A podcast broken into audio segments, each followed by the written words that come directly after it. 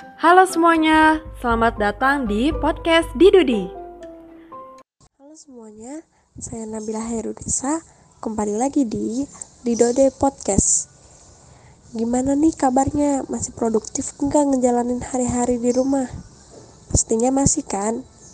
Ngomong-ngomong soal produktif, kalian ngapain aja sih selama masa pandemi ini? Belajar atau rebahan nih?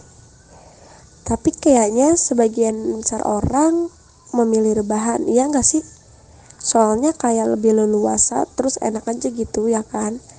Apalagi kalau udah ada cemilan makanan plus kota yang full, pasti hidup terasa sempurna tuh, yakin dah. Tapi juga rebahan membuat kita untuk bermalas-malasan loh. Misalnya kayak kita dikirimin tugas sama guru, mendadak nih, terus kita lagi rebahan nih di kasur kan rasanya kesel banget gitu kan ya. Apalagi kalau udah bener-bener nempel di kasur.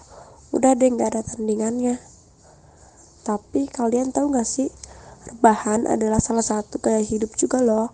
Rebahan juga bukan sesuatu yang salah. Tapi kalau dilakukan secara terus-menerus dalam waktu lama dan gak punya manfaat itu yang salah. Jadi ayo tantang dirimu untuk bangun dari rebahanmu Tunda nongkrongmu, tahan dirimu dari media sosial dan nonton drama Korea atau tayangan yang tidak berfaedah sama sekali. Jangan baper dan banyak alasan terus karena hal besar akan didapat dari hal-hal kecil seperti rebahan ini. Sekiranya itu saja podcast kali ini dan jangan lupa dengarkan podcast-podcast selanjutnya. Terima kasih. Terima kasih sudah meluangkan waktu kamu buat mendengarkan podcast kami. Jangan lupa ya follow Instagram kami juga at journal.mantri. Selamat berjumpa di episode berikutnya.